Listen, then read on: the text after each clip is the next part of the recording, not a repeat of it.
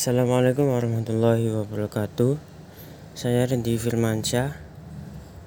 Eh, demokrasi sendiri adalah kekuasaan atau kedaulatan rakyat, dan keputusan itu berada di tangan rakyat sendiri untuk memajukan negaranya.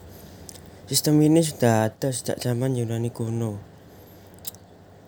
Demokrasi di Indonesia bersumber dari Pancasila dan UUD 1945, sehingga disebut demokrasi Pancasila.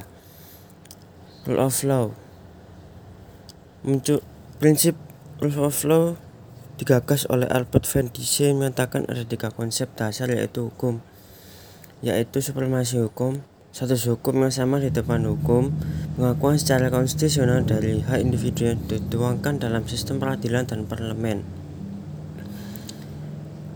Tiga, civil society, civil religion, dan Pancasila. Konsep civil society ini sudah ada sejak zaman Yunani yang muncul gagasan samar tentang masyarakat sipil. Civil religion adalah keberagaman sivil. Yang keempat, pasar global. Pasar bebas dan tantangan global.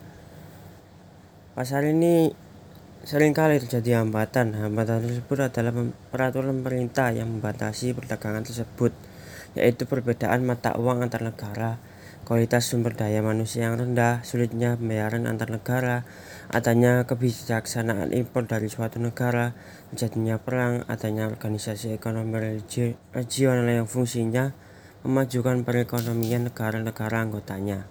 Sekian terima kasih.